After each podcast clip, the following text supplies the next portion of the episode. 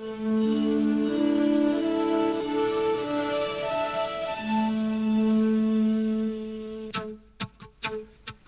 Güvenliği. Hazırlayan ve sunanlar Bahri Belen ve Aynur Tuncel.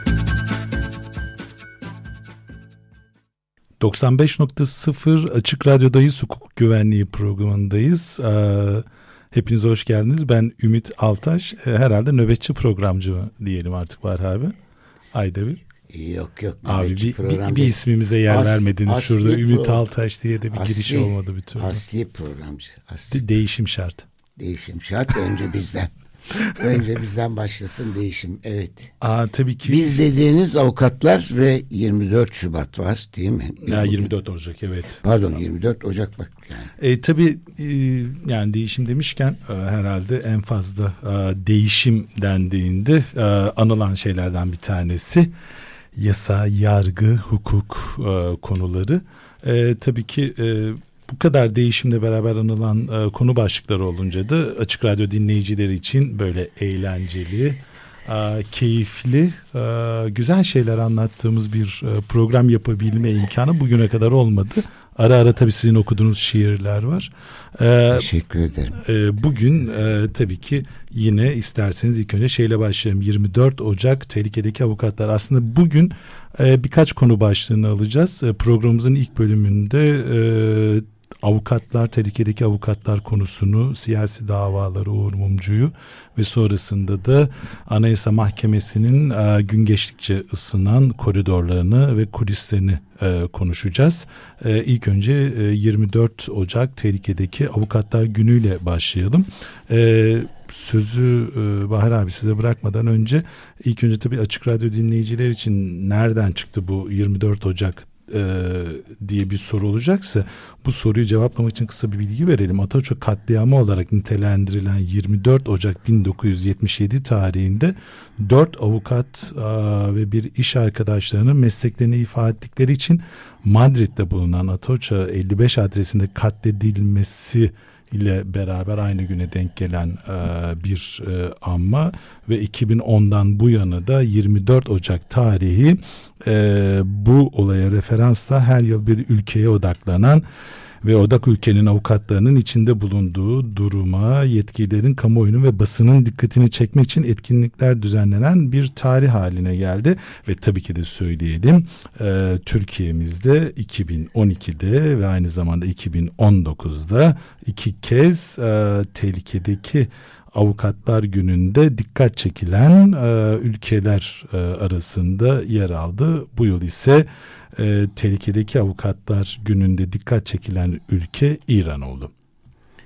Evet, e, bu yıl İran e, 2023 yılında Afganistanlı avukatlar için, e, 2022 yılında Kolombiyalı avukatlar için, 2021'de Azerbaycanlı e, avukatlar için, 2020'de Pakistan, Evet 2019 Türkiye demiştik. 2018 Mısır'daki avukatlar için, 2017'de Çin'deki avukatlar için, 2016'da Honduras'taki avukatlar için, 2015'te de Filipinler'deki avukatlar için diye hemen söyledim. 2012'yi söylemiştik galiba.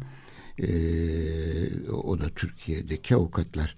Ee, bu avukatların hem yaşamlarıyla ilgili hem de yaptıkları görevler nedeniyle maruz kaldıkları e, davalar, tutuklamalar ve e, bu e, nedenle e, o bölgedeki avukatlar konusunda e, bir dikkat çekme e, raporu hazırlanıyor. E, geçen yıl e, ne demiştik? Geçen yıl e, Af Afganistan demiştik. Bu yıl İran, evet. İran'a niçin İranlı avukatlar e, için böyle bir şey e, oldu? Yani Açık Radyo dinleyici de yakından takip etti. E, 2022'de özellikle Jina Emini'nin katledilmesinden sonra İran'da yoğun protestolar oldu ve bu protestolar sonrasında da e, yani çok sayıda e, tutuklama, gözaltı hatta e, idam da oldu. E, tabii burada özellikle e, çok sayıda avukat da e, bu kişilerin e, savunmanlarını yaptığından dolayı da e, bu rakamlar e, 66 avukat olarak verilmiş.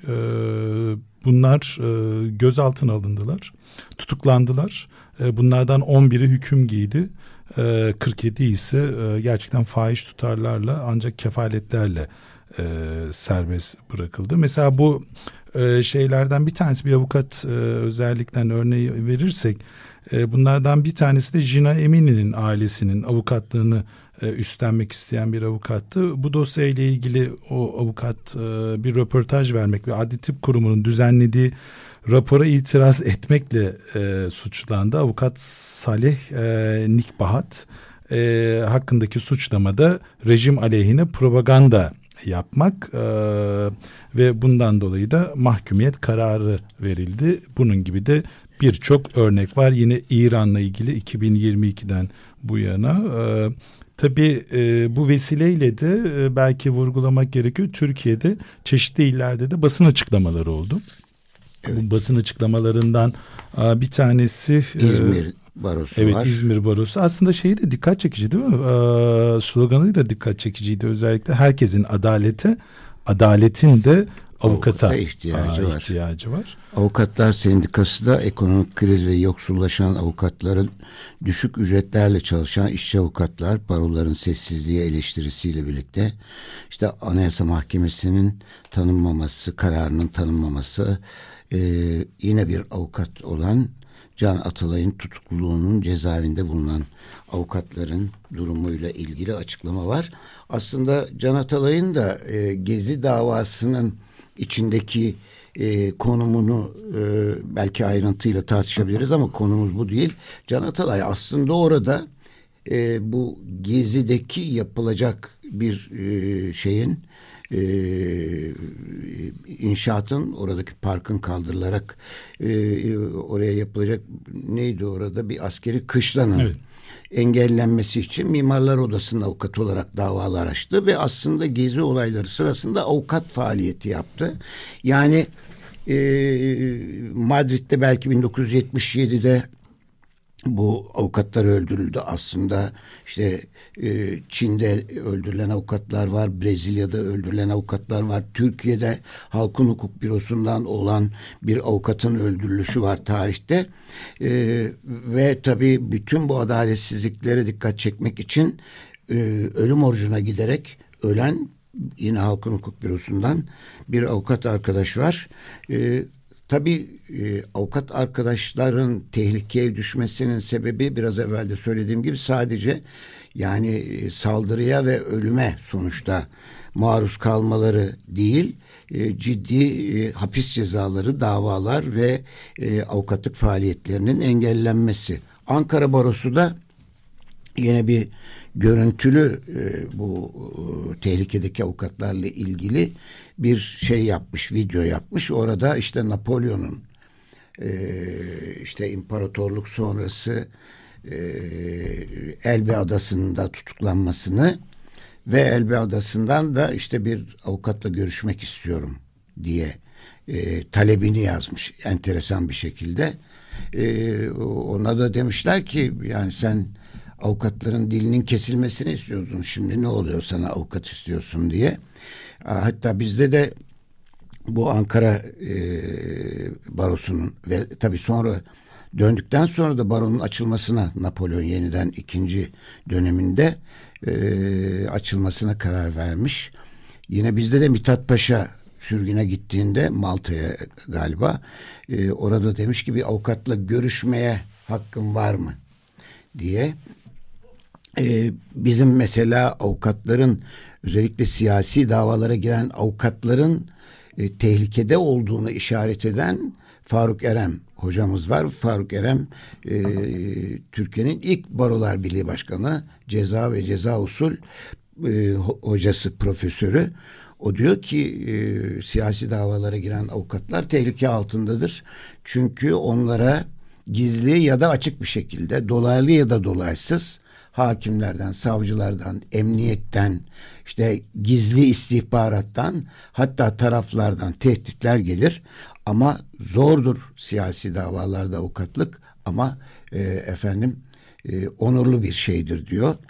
E, yakında şimdi işçilerin, emekçilerin e, davalarına giren, toplantı ve gösteri yürüyüşleri e, e, hakkını kullanan insanların tutuklanmaları, gözaltına alınmalarıyla ilgili e, avukatlık faaliyeti yürüten, efendim Soma'da, işte Zonguldak'ta, sonunda Amasra'da e, kömür madenlerindeki ölen işçilerin avukatlığını yapan, Halkın Hukuk Bürosu'ndaki avukatların bu yaptıkları ve işkencelere karşı e, polis işkence yaptığı iddia olunan polislerle ilgili yaptıkları şikayetlerden dolayı e, bu avukatlarla ilgili e, açılan dava var ve bu davanın sonucu da e, şu anda e, Yargıtay denetiminde verilen cezalarla ilgili acaba hangi Yargıtay dairesinde bu dava?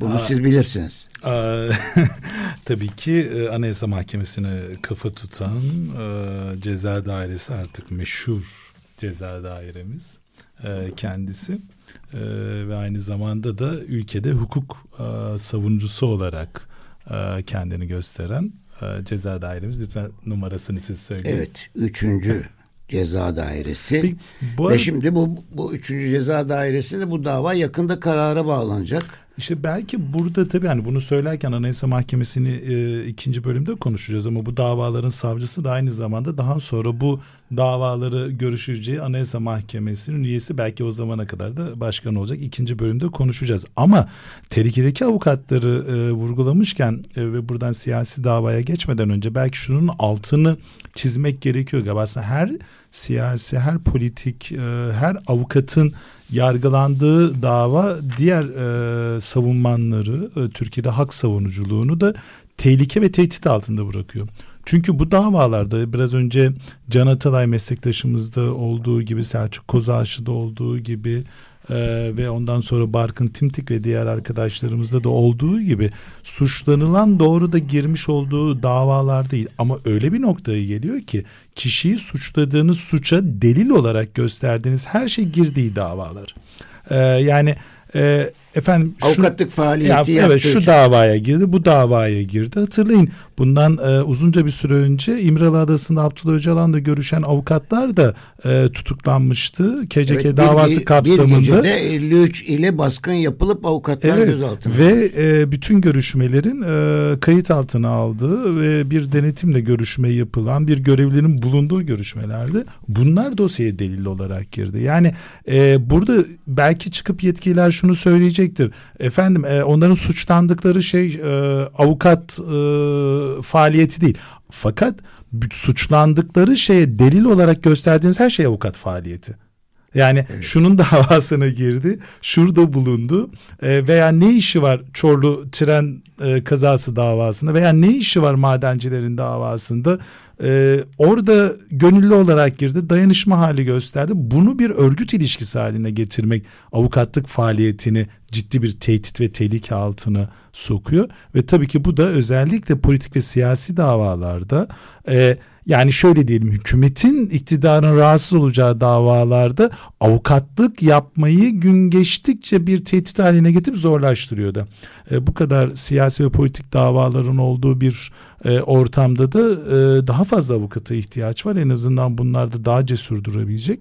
Ama bu e, avukatlık faaliyetlerin suçlamalara delil olarak kullanılması Türkiye'de avukatları her yıl e, tehdit altında bırakan bir uygulama haline geliyor. Ve tabii siz zannedersem bahsedeceksiniz Türkiye'de bolca e, iktidarı e, rahatsız edecek bugünkü ve dünkü iktidarı rahatsız edecek birçok politik siyasi dava tarihine ve geçmişine de sahip. Evet ve bu davalarda e, avukatlar tarafından takip ediliyor. Üstelik enteresan bir şey e, tıpkı Faruk Erem'in söylediği gibi siyasi davalarda avukatlık zordur. Çünkü siyasi davalarda hakimden, savcıdan, gizli istihbarat teşkilatlarından doğrudan ya da dolaylı hatta karşı taraftan tehditler gelir diyor. Onun için bu davalara giren avukat sayısı az. Ama bu davalara giren az avukat sayısı da sen şu davaya giriyorsun, ben sen bu davaya giriyorsun, ona da sen girdin, buna da sen girdin diye siyasi iktidarın e, hedefi haline geliyor. Onlarla ilgili davalar açılıyor. Ve bu nedenle onlar kullandığı için e, onların ismini söyleyerek ifade edeyim. Avukat Hakları Grubu İstanbul Barosu'nda ve hatta İstanbul'un e, Türkiye'nin birçok illerindeki e, barolarda e, kendi grup olarak sesini duyuran Avukat Hakları Grubu bu bakımdan avukatların bu tehlike işaret ettiğimiz tehlikeleriyle ilgili şöyle diyor. Tehlikede olan avukatlar değil, sensin. Bakma her önüne gelenin avukatlara saldırdığına, avukatları tehdit ettiğine, yargıladığına, öldürdüğüne, aslında saldırılan, tehdit edilen, yaralanan, öldürülen sensin. Senin hak arama özgürlüğün. Bakma avukatlara fiziksel, ekonomik ve psikolojik baskılara. Asıl fiziksel, ekonomik ve psikolojik baskılara maruz kalan sensin. Senin temel hak ve özgürlüklerin buraya ben de ilave edeyim. Hak arama özgürlüğün ve savunma hakkın. Yine devam ediyor. Bakma avukatların yok sayılmak istenmesine. Asıl yok sayılmak istenen bizzat sensin. Geçen yani bir, süre evvel bir karikatür vardı. O karikatürde acı ama işte e, cezaevindeki e, bir e, şey e, tutuklu ya da hükümlü gardiyana diyor ki avukatımla görüşmek istiyorum diyor. O da diyor ki tamam yan taraftaki bir hücrede senin avukatın diyor. E, bu tablo Türkiye'deki tablo ve birçok geri kalmış ülkelerdeki tablo bu kadar açık ve net. O zaman bu bölüm için bence İzmir Barosu'nun özellikle dile getirdiği o cümle e, manşetimiz olabilir gibi. Herkesin altını çiziyoruz. Herkesin adalete, adaletinde avukatlara ihtiyacı var.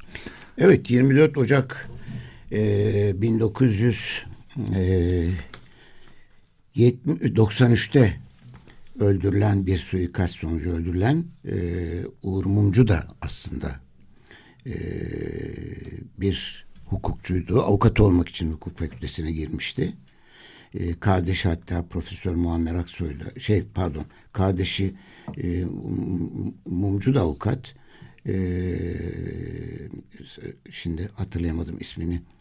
E, Uğur Mumcu'nun e, şeysi e, kardeşi o da avukat e, ve e, Uğur Mumcu'nun e, aslında bu öldürülüşünün e, gerçek anlamda Türkiye'deki birçok siyasi cinayet gibi e, siyasi olduğunu, siyasi bir cinayet olduğunu söylemeye ihtiyaç yok. Çünkü e, Uğur Mumcu aslında 12 Mart döneminde birçok yazar şey gibi, hukukçu gibi tutuklandı ve e, kendisiyle ilgili hapis cezaları verildi. Yani e, bu hapis cezasının sebebi de işte e, ülke aleyhine propaganda yapmak. Neyse sonra Yargıtay onu bozdu ve e, sanıyorum Patmos'ta mı? Patmos'ta bir e, cezaevi e, şey e, askerlik yaptı ve e, tam orada sakıncalı bir piyade olarak askerlik yaptı. Şimdi bu siyasi cinayetlerle ilgili hep ben söylüyorum.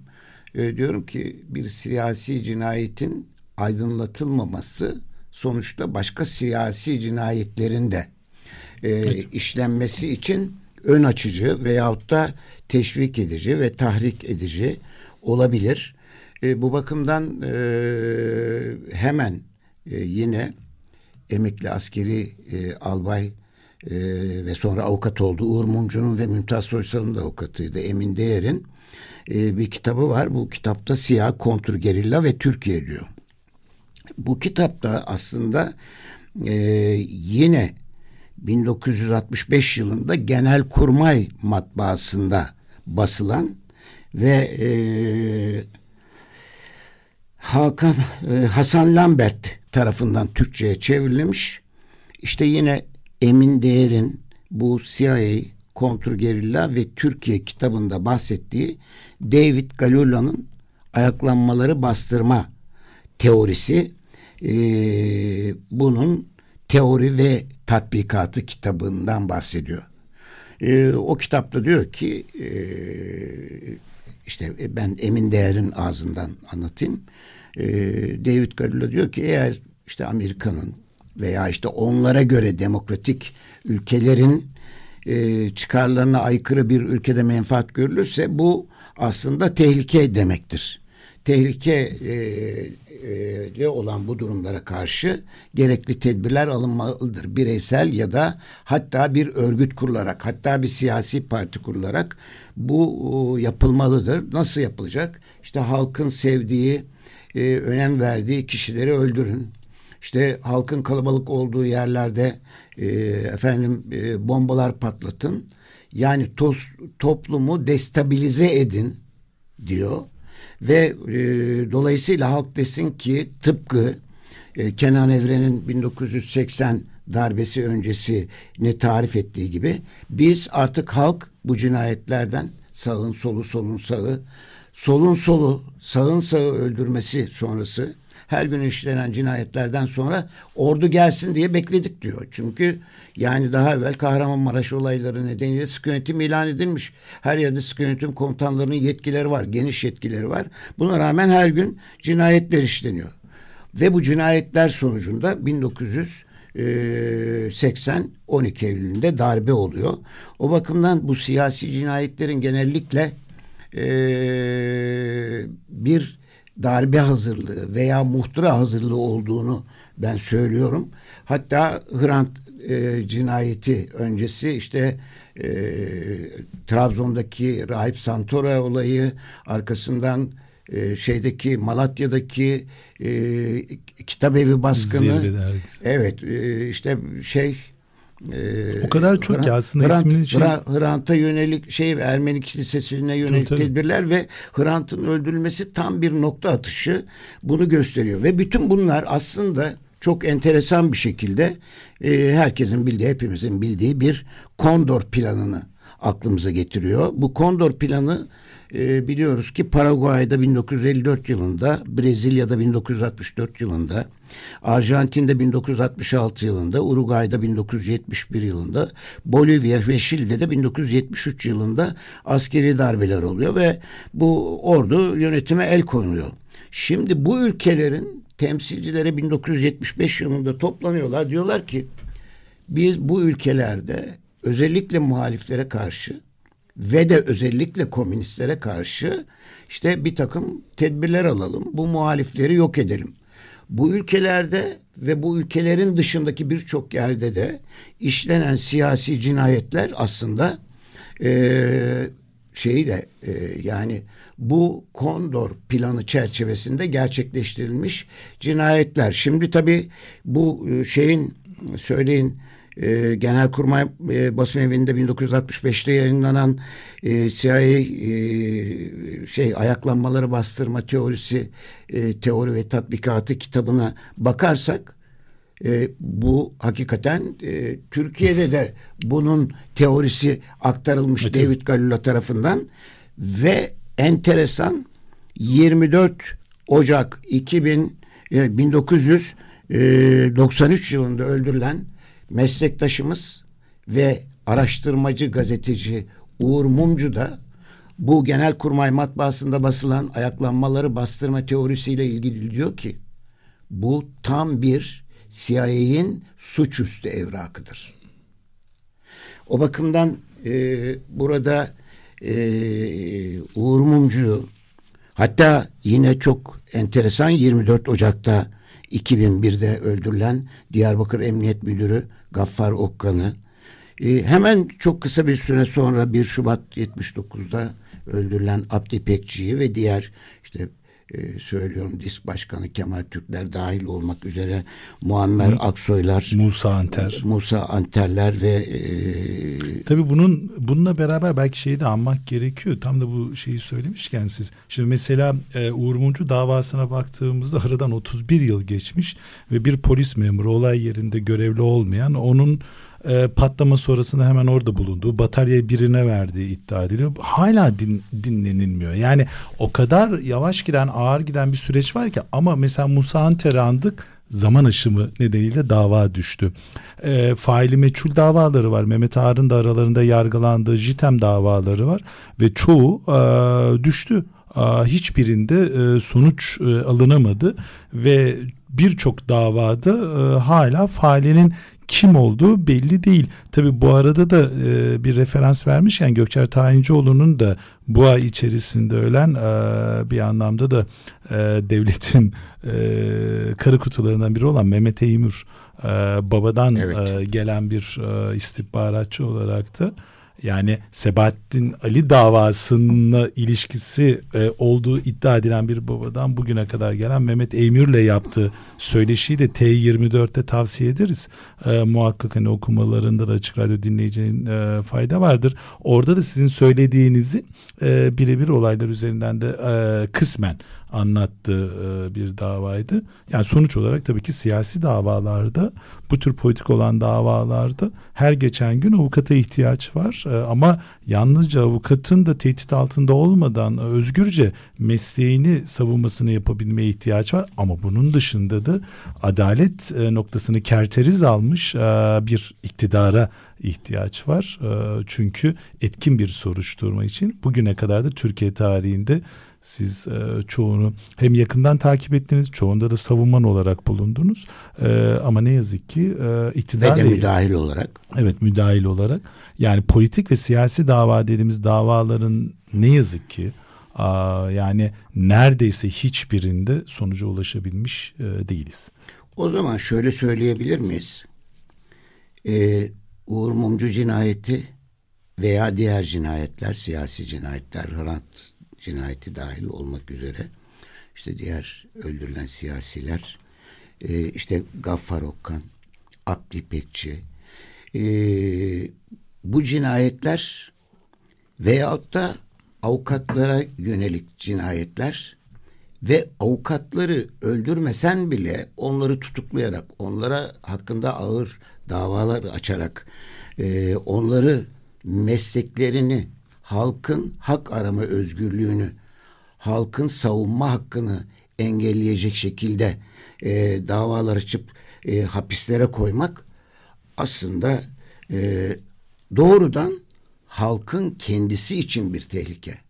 Yani o zaman söyleyebiliriz ki yargıç, savcı, polis, jandarma, gizli istihbarat ajanı hani Akbaba'nın son üç günü filminde olduğu gibi o e, yani istihbarattaki insanlar içinde bu davaların aydınlatılmaması, bu davalarda avukatlara yönelik açılan davalar ve e, öldürme eylemleri sonucu tehlikeye düşen aslında sizlersiniz. Aslında insanlar, hakimler, savcılar, emniyet müdürleri, emniyet mensupları, asker, jandarma, yurttaş tehlikede olan onlar. Evet 24 Ocak Ataça e, tam nasıldı İspanyolca bilmiyorum ama Atoça evet. e, katliamı vesilesiyle yine bir hukukçu olan e, Uğur Mumcu'nun ölümüyle ilgili e, emniyet müdürü bakın hiç avukatla sınırlı kalmıyor bu iş e, gazeteciyle sınırlı kalmıyor e, Gaffar Okan nedeniyle e, bugünü anmış olduk. E, halkın hukuk güvenliğinin, can güvenliğinin, hak arama özgürlüğünün, savunma hakkının güvencesi için e, bu günü aklımızdan, belleğimizden silmeyelim. Şimdi Verelim müzik arası herhalde. Verelim. Belki öncesinde şeyi söylemekte fayda var. Çok e, hoş bir e, hatırlayamadım bir kitabın ön sözünde vardı. Şöyle diyordu. Yasa ama ne hakla? İşte o ne hak dediği kısmında toplumsal sözleşme devreye giriyordu. Yani eğer adalet varsa özgürlüklerin sınırlanması, yasa koyulması hatta kısmen de gücün kullanılması kabul edilebilir bir durumdu. Fakat adalet yoksa e, işte bu adaletin olmadığı dünya içerisinde çok gerilere gideceğiz. Biraz açık radyoda yakışır böyle bir e, daha internasyonel e, bir e, müzik arası olacak bu gibi geliyor. Çünkü 21 Ocak 1924'te kaybettiğimiz e, Rusya'ya Lenin'e selam gönderiyoruz. Bu selam İtalya Padova Üniversitesi'nde hukuk fakültesi kütüphanesinden bir arkadaşın gönderdiği şarkıyla gelecek. Ve, Ve Lenin de bir hukukçu biliyorsun. Evet. Evet. Aynı zamanda bir avukat yani kardeşi de avukat. Evet seslendirecek kişi Susika Sino, Simo umarım doğru söylüyorum. Ezidi bir aileden gelmiş Ermeni ve Kürtçe şarkılar seslendiriyor. Doğru telaffuz umarım ederim. Lenin Rabü Emrizgar Bün. 95 nokta Sıfır, Sıfır açık radyoda, şimdi ikinci programı devam ediyor. Ben bu yeni bölüme geçmeden 24 Ocak'la ilgili bir şey söyleyecektim. Unuttum. Aslında e, 12 Eylül e, darbesini ve darbelerin sebeplerine ilişkin siyasi uluslararası e, şeyi e, örgütlenmeyi de e, konuşmuştuk ve bunun nasıl yapılacağı, bunun hazırlıklarının nasıl olacağına ilişkin işte bu David Galula'yı ve 24 Ocak e, şeyin Uğur Mumcu'nun öldürülmesi olayını 24 Ocak e, Gaffar Okka'nın öldürülmesi olayını da söz etmiştik. Aslında 1980 darbesi öncesi alınan ünlü ekonomik 24 Ocak kararları. Şimdi 24 Ocak kararlarını aslında bir baskı yönetimi olmaksızın hayata geçirme imkanı yoktur.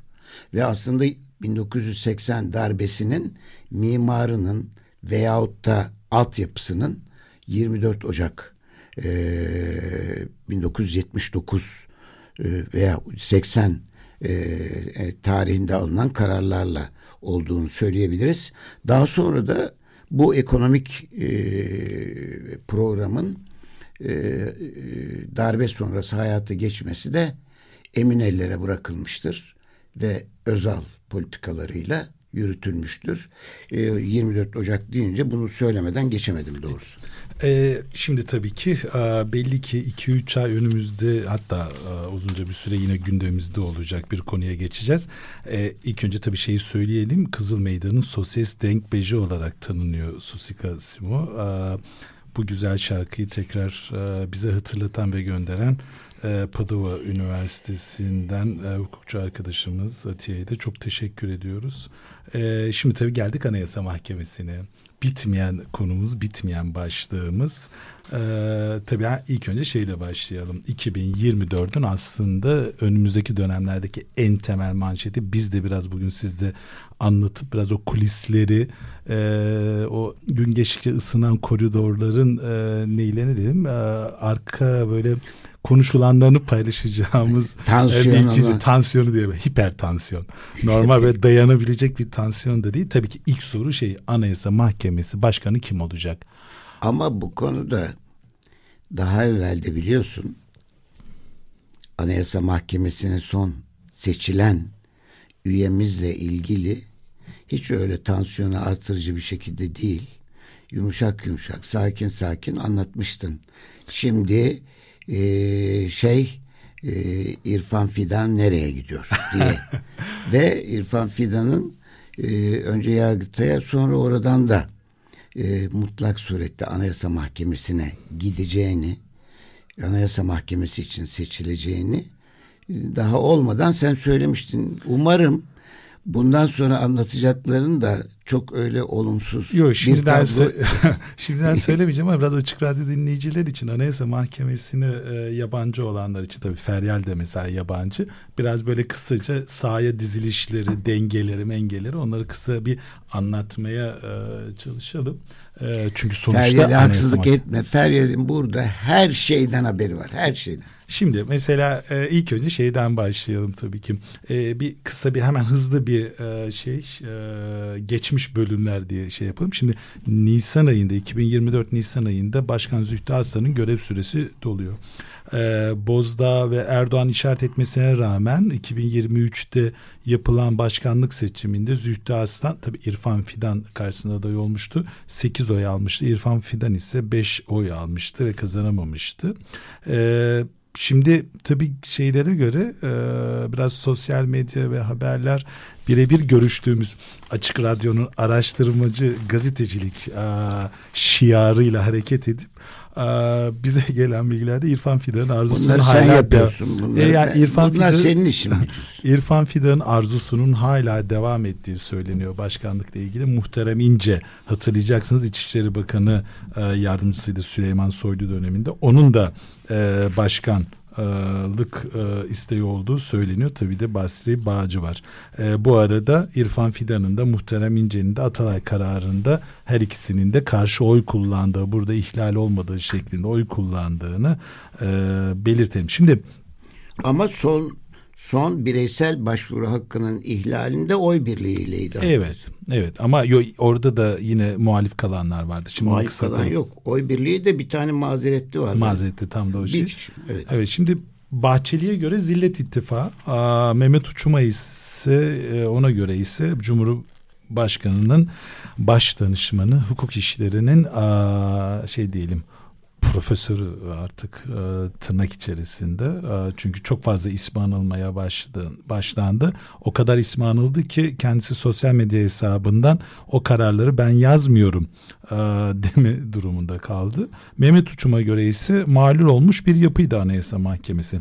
Şimdi Bahçeli, Anayasa, Bahçeli Anayasa Mahkemesi'ne diyor Zillet İttifakı. O devamlı yukarıda tuttu evet. E, şimdi peki e, Anayasa Mahkemesi bir sahaya nasıl diziliyor ona bir bakalım. Şimdi ilk önce savunma hattı diyelim buna. Savunma hattı zaman zaman orta sahaya Bir kere çıkan... İtalya'dan yeni savunma gücü geldi. Biliyorsun Il Duce'den. Il Duce. Bu, bu, bu, buraya da yenileri gelecek gibi gözüküyor ya da yok tamamen e, hücum hattına geçilebilir. Şimdi savunma hattında daha çok Abdullah Gül döneminde atanmış olan üyeler var. Bunların ha, başında savunma hakkında başka evet, şey koydun. Yani bu Anayasa Mahkeme Başkanı Zühtü Aslan var. Başkan Vekili Hasan Tahsin Gökçen var. Üyeler Muhammed Emin Kuz var. Engin Yıldırım ve Muammer Topal. Muammer Topal sıklıkla da ortaya ve hücuma doğru gidiyor. Biraz iktidarla ilgili olan durumlarda yani iktidar lehine anayasa, oy kullanıyor. Anayasa mevcut anayasayı savunma hattı bunlar. Öyle düşünelim. Kale şeyinde. Yani şimdi savunma hattı deyince ben hep aklıma Aa tersinden bana, düşünelim bugün. Banucci geliyor İtalya'dan. Diyorum ki bu, bu da Il Duce ile alakalı mı diye. Hayır. E, tabii şimdi burada toplam beş kişi. Yani e, bunu söylemeye dilim varmıyor ama Anayasa Mahkemesi'nde gerçekten de artık biz dengeleri, muhalif olanları, iktidar yanları diye açıktan artık dile getiriyor. İşte muhalif olarak anılan bu toplam beş kişi aslında beş kişiden e, dediğim gibi Muammer Topal'ı e, kenara koyarsak dört kişi. Şimdi gelelim hücum hattına. Yani doğrudan e, Cumhurbaşkanı tarafından e, atanmış ve e, ya da Türkiye Büyük Millet Meclisi aracılığıyla Cumhur İttifakı aracılığıyla atanmış olan kişiler. Bunlar Başkan Vekili e, Kadir Özkaya, üyeler Recai Akyel, Yusuf Şevki Akyemez, Yıldız Seferinoğlu, Basri Bağcı, Selahattin Menteş, İrfan Fidan. E, bunlar doğrudan Cumhurbaşkanı. Diğer üyeler Rıdvan Güleç, Kenan Yaşar, Muhterem İnce ise Türkiye Büyük Millet Meclisi kararıyla e, bunlar geldiler. E, bu şekilde değerlendirirsek toplam 10 kişi. Yani şu anda 10'a 5. Yer yerde araya gidip gelen bir kişi de var. 11'e 4 gibi gidiyor. E, şimdi tabii ki gelelim e, hücum hattına ara dönem transferlerine. Şimdi Anayasa Mahkemesi'nde transfer dönemi başlıyor. Yani transfer dönemi jubilesini yapacak olanlar var ve yeni transfer burada, edilecek burada olanlar lütfen. Burada lütfen bu transfer dönemin deyince kafamı karıştırma. Fenerbahçe, Galatasaray hep Beşiktaş o geliyor. Abi, o Teknik konu... direktörler değişiyor falan. Yani. Tabii o konuya girmeyelim. Aramızda herhalde bir ortaklaşma olmayacak gibi gözüküyor orada. Ee, şimdi en önemlisi tabii ki Gül tarafından atanan e, Muammer Topal'ın görev süresi 30 Ocak 2024'te doluyor. Siz geçen hafta e, tek başınıza e, böyle mücadele ederek yaptığınız programda da dile getirdiğiniz. Niye mücadele etmiş oluyorum? E, bir ara şeyde çok yoruldum. yoruldum ama yani ben de anlattım yani. 30 Ocak 2024'te Muammer Topal'ın görev süresi doluyor. E, muhtemelen yerine e, Cumhurbaşkanı tarafından e, Danıştay 10. Daire Başkanı Yılmaz Akçil atanacak. Tabii 3 kişi e, Danıştay Emin önerdi. misin bu konuda? Aa, %99. Em, em, eminim diyeyim. Siz farklı düşünüyor musunuz? E, ben de düşünmüyorum. Ben Feryal'e bakayım. Feryal ne dersin? Başkasını atar mı? Ha, bu arada belki Feryal'e bir iki tane e, şey yapayım. E, yani, bu tabii bu bu konuda Yılmaz Akçil hakkında bir iki Yılmaz şey söyleyeyim Akçil'in belki. atanabileceği konusundaki e, eğilimim senin beni bu konularda böyle hep pimpirikli hale getirmen. Ama yani, şöyle bir şey.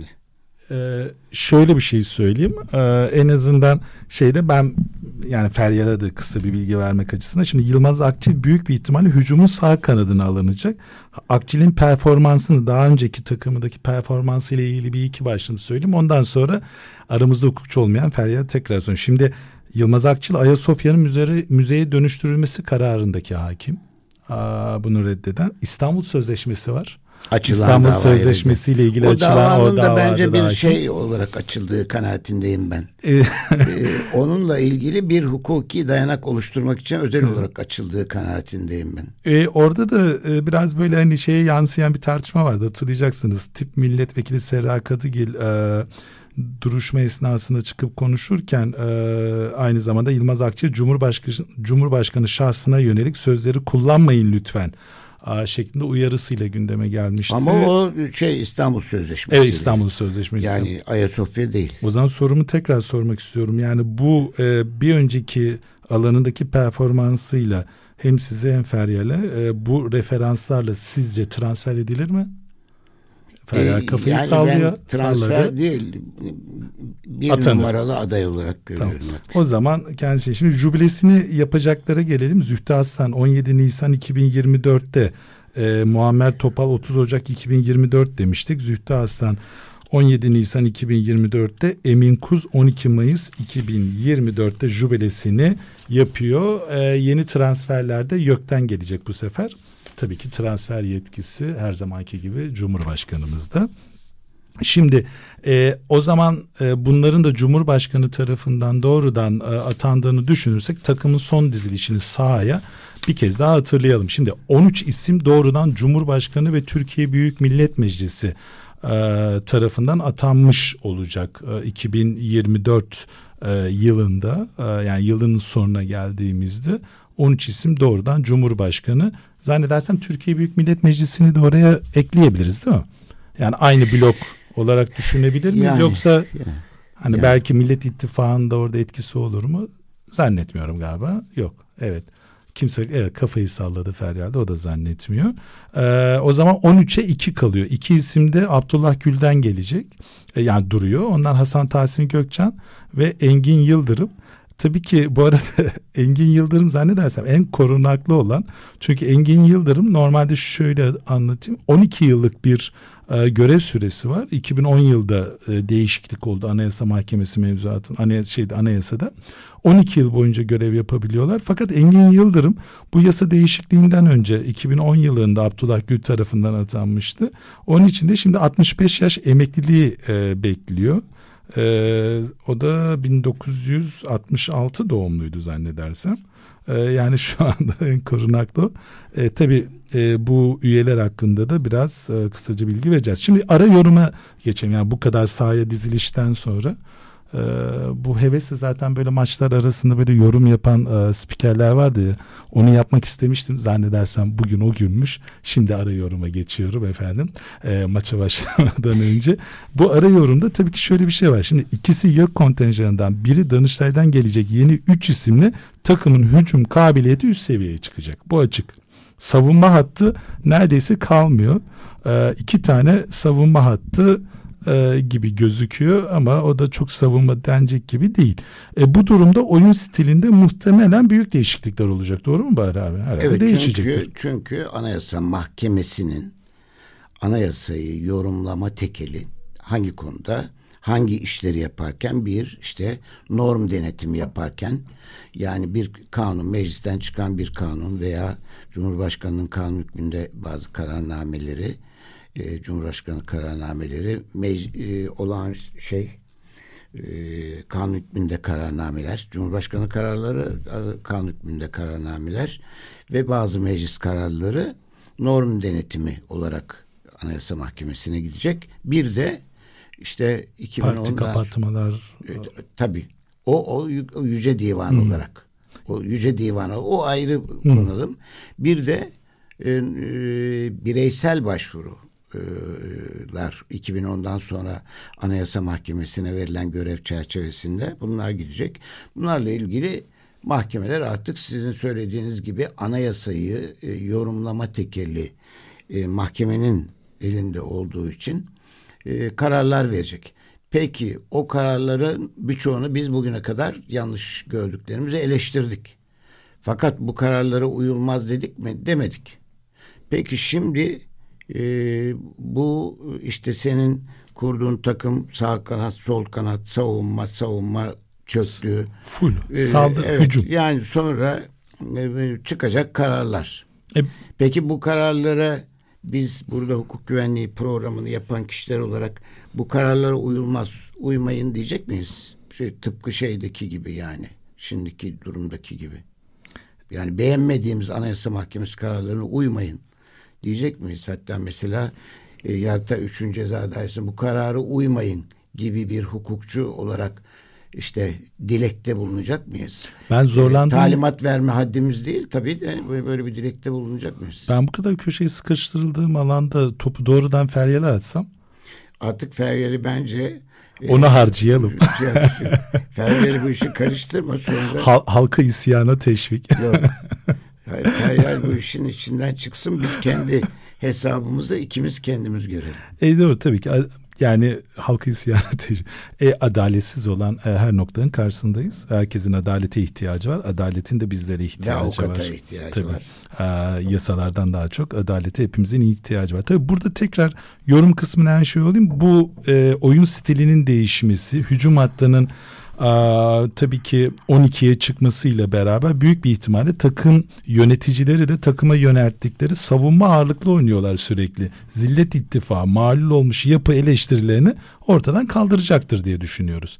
Ama tabii ki... Ondan sonra da Sayın Bahçeli bu Anayasa Mahkemesi işte gerçek Anayasa Mahkemesi kimliğine kavuştu diyecektir herhalde. E, büyük bir ihtimalle lig içerisinde de orta sahalarda... Zillet İttifakı Zillet Millet İttifakı, İttifakı'na evet. dönecek mi yoksa Cumhur İttifakı'na dönecek mi? Bahri abi bugün hep köşeye sıkıştırıcı sorular geliyor Cumhur, senden. Cumhur İttifakı pardon. e, tabii ki anayasa tartışmaları da ısınmaya devam aynı şekilde. Tabii buradaki en önemli olan sorulardan bir tanesi takım kadrosuna şöyle hızlıca baktı baktığımızda Zühtü Aslan e, ya çok kez... özür dilerim de yani. Bak 12 Eylül döneminde Anayasa Mahkemesi'nin verdiği kararlarla ilgili böyle şeyler konuşmadık biliyor musunuz? E, denge konuşuyoruz yani. yani. Hayır çünkü çünkü o zaman yani o zamanki Anayasa Mahkemesi hakikaten bir e, daha adaletli bir e, ma, e, Anayasa Mahkemesiymiş ve oradaki insanların nasıl e, yani ne yaptıklarının, ne kararlar verdiklerini, o kar, hangi kararlarda nasıl bir tutum aldıklarını, muhalefet edip etmediklerini bugünkü gibi konuşmuyorduk. Yani bu konuşmanın sebebi hakikaten bugün e, hukukta geldiğimiz noktayı gösteriyor.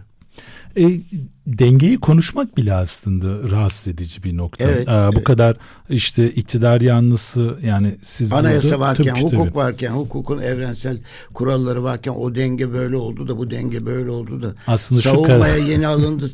Sağ kanat, sol kanat böyle bunları konuşmak hakikaten üzüntü verici. E yani bunu en son yine açık radyo dinleyici hatırlayacaktır. E, HSK seçimlerinde konuşmuştuk. HSK seçimlerinde partiler kendi aralarında kontenjan dağılımı yaparak HSK üyeleri e, yönlendiriyorlardı. E, doğal olarak da partili rozetli artık yargıçlar e, dönemi doğal olarak da o soruyu sizin sorduğunuz o can alıcı soruyu e, bu kadar taraf ve benzeri şey alanı olacaksa adalet kavramı ne kadar zedelenecek?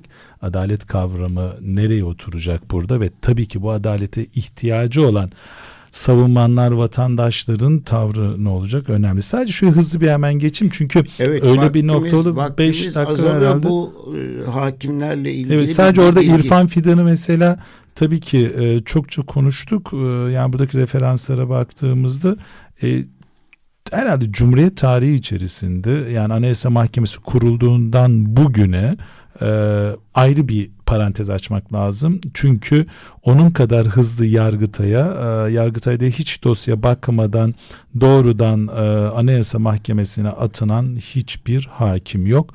E, bu da Cumhuriyet tarihinin zannedersem tekil örneklerinden bir tanesi olarak kalır umarım. E, ama referanslara baktığınızda Anayasa Mahkemesi üyeleri ilgili mesela Muhterem İnce'yi görüyorsunuz.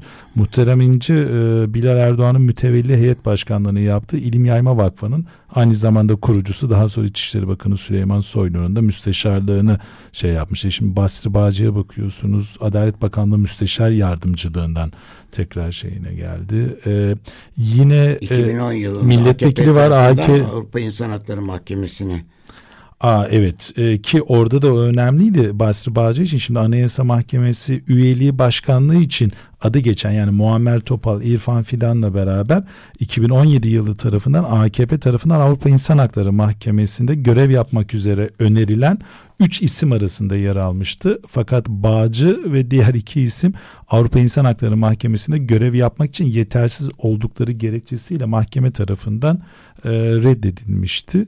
E, buradaki referanslara baktığımız zaman yine şimdi yine e, AKP'nin Çorum İl Başkan yardımcılığını yapmış AKP'den milletvekili adayı olmuş olan kişiler de var. E, yine AKP İstanbul Milletvekilliği 2015'te yapmış Yıldız Sefer'in oğlu var. E, doğal olarak da Anayasa Mahkemesi için 2024 yılı e, ne kadar istemesek de artık çok sıkça olağan bir hale gelip tartışılan e, dengelerin e, daha e, fazla daha sık bir şekilde konuşulduğu e, bir dönem olacak. E, ve e, Buna rağmen de hala e, Cumhurbaşkanı Başdanışmanı ve Millet İttifakı'nın ortası, ortağı olan Milliyetçi Hareket Partisi Genel Başkanı Devlet Bahçeli'nin Zillet İttifakı ve malul olmuş yapı eleştirileri devam edecek mi izleyeceğiz. E, ama tekrar e, ben de buradan bir kez daha e, şeyi e, sormuş olayım. Onunla beraber en azından e, kapatmış olan Bahri abi İrfan Fidan, Muammer Topal ve Basri Bağcı e, Anayasa Mahkemesi Başkanı kim olur sizce? Bence e, İrfan Fidan olamaz. İrfan Fidan'ın geldiği yer politik geçmişine dikkat ettiğimizde benim kanaatim nacizane. Tabii bunlar senden öğrendiğim yorum biçimleri. Ama ben bu konuda samimi söylüyorum. Cumhurbaşkanı Recep Tayyip Erdoğan, Sayın Cumhurbaşkanı İrfan Fidan'ın Anayasa Mahkemesi başkanı olmasını istemez. Benim kanaatim bu. Ben bu konuda çok iddia ediyorum. Bakalım bu bu e, öngörü e, nasıl çıkacak? Feryal'e bakıyorum o da gözüyle size katıldığını. Feryal'i karıştırma bu işe. Ama onu karıştırma. Bu arada ama. bu arada aklıma da geldi. Ee, Bahsi Bağcı'nın 2010 yılında e, AKP tarafından ve Adalet ve Kalkınma Partisi tarafından Avrupa İnsan Hakları Mahkemesi'ne önerilen üç isimden biri olduğunu söylemiştik.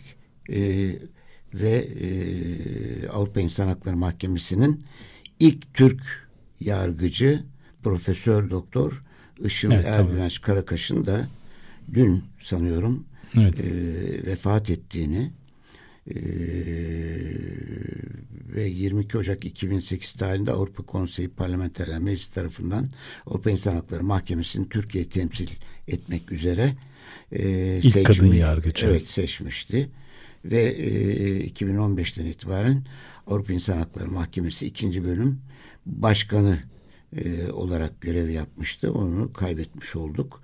Yani e, son olarak sanıyorum e, şeyde Kadir Has Üniversitesi'nde de kamu hukuku bölüm başkanı olarak görev Hı. yapıyordu. E, bugün bu konular herhalde önümüzdeki hafta tansiyon a, meselesi. A, Türkiye'de yükselen tansiyon, dünyada yükselen hukuk tansiyonu hatta a, hipertansiyon diyeceğimiz a, diğer Avrupa ülkelerinde de e, son dönemde yaşananlar Türkiye'deki e, hipertansiyon noktasında e, karşılıklı böyle bir yarış e, havası estiriyor. Umarım önümüzdeki hafta programında hipertansiyondan bir zarar görmeden doğrudan konuşabiliriz diye ümit evet, ediyorum. Evet. Avukatların, gazetecilerin, yazarların, kamu görevlilerinin ve sıradan yurttaşların hiçbirinin yaşamlarının bir siyasi cinayete veya herhangi bir cinayete kurban gitmeyeceği ve yargı tarafından, devlet tarafından, idare tarafından da ölüm kadar ağır e, haksızlıklara uğramayacağı, hukuk güvenliğinin olduğu bir Türkiye dileğiyle başta Feryal arkadaşımıza ve Açık Radyo'da emeği geçen bütün arkadaşlara teşekkür edelim. Yeni bir hukuk güvenliği programında buluşmak üzere herkese hoşçakalın diye. Ben şu cümleyle bitirmek istiyorum tekrar. Herkesin adaleti, adaletinde avukata ihtiyacı var. Evet.